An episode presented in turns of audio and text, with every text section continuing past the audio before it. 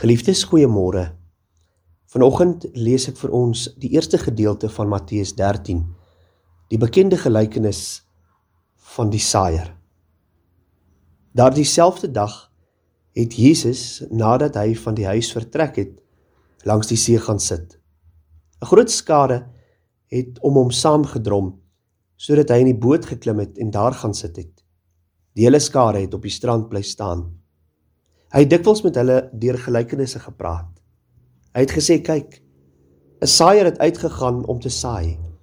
En tydens die saaiery het 'n deel van die saad langs die pad geval en die voëls het gekom en dit opgepik. Ander saad weer het op rotsagtige plekke geval waar daar nie baie grond was nie. En dit het dadelik opgekom omdat die grond nie diep was nie. Maar toe die son opkom, is dit verskroei omdat dit nie wortel geskiet het nie. Dit het verdroog. Ander saad weer het tussen die dorings geval en die dorings het opgekom en dit verstrik.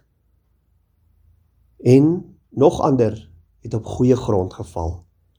En dit het 'n opbrengs gelewer. Party 100, ander 60 en ander 30 voudig. Laat die wat ore het luister. Vers 18 Maar wat julle betref, luister nou na die gelykenis van die saaier. Wanneer iemand die woord van die koninkryk hoor en nie verstaan nie, kom die bose en roof wat in sy hart gesaai is. Dit is die saad wat langs die pad gesaai is. Die saad wat op die rotsagtige plekke gesaai is, is hy wat hierdie woorde hoor en dit dadelik met vreugde aanneem Maar omdat hy nie wortel geskiet het nie, hou hy net 'n rukkie. As verdrukking en vervolging vanweë die woord plaasvind, struikel hy dadelik. En die saad wat tussen die dorings gesaai is, dit is hy wat hierdie woord hoor, maar die bekommernis van hierdie wêreld en die verleiding van rykdom verstik hom en dit bly sonder vrug. Die saad wat egter op die goeie grond gesaai is. Dit is wat hierdie woord hoor en begryp. En hy dra vrug. Die een 100, die ander 60 en die ander 30 voudig. Die gelykenis geliefdes handel oor vier tipes grond wat elkeen 'n ander reaksie op die verkondiging van die evangelie verteenwoordig. Die saad wat op die pad val en daarom nooit saad skiet nie, verteenwoordig die skrifgeleerdes, die fariseërs en die Joodse leiers van Jesus se tyd wat van die begin af vyandig was teenoor Jesus. Die saad wat tussen die onkruid val, verteenwoordig diegene soos Herodes en die ryk jong man wat aanvanklik gunstig reageer op Jesus, maar hom uiteindelik nie gevolg het nie vanweë hulle liefde vir geld en mag. Die saad wat op die vrugbare grond val, verteenwoordig die wat genees is en geglo het.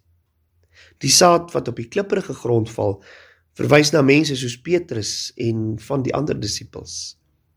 Hulle het Jesus onmiddellik gevolg toe hy hulle geroep het maar hulle het ook gou verwelk toe die teespoed kom soos Petrus wat Jesus die aand van sy arrestasie verloon het. En so kan 'n mens aangaan om voorbeelde aan elke groep te heg.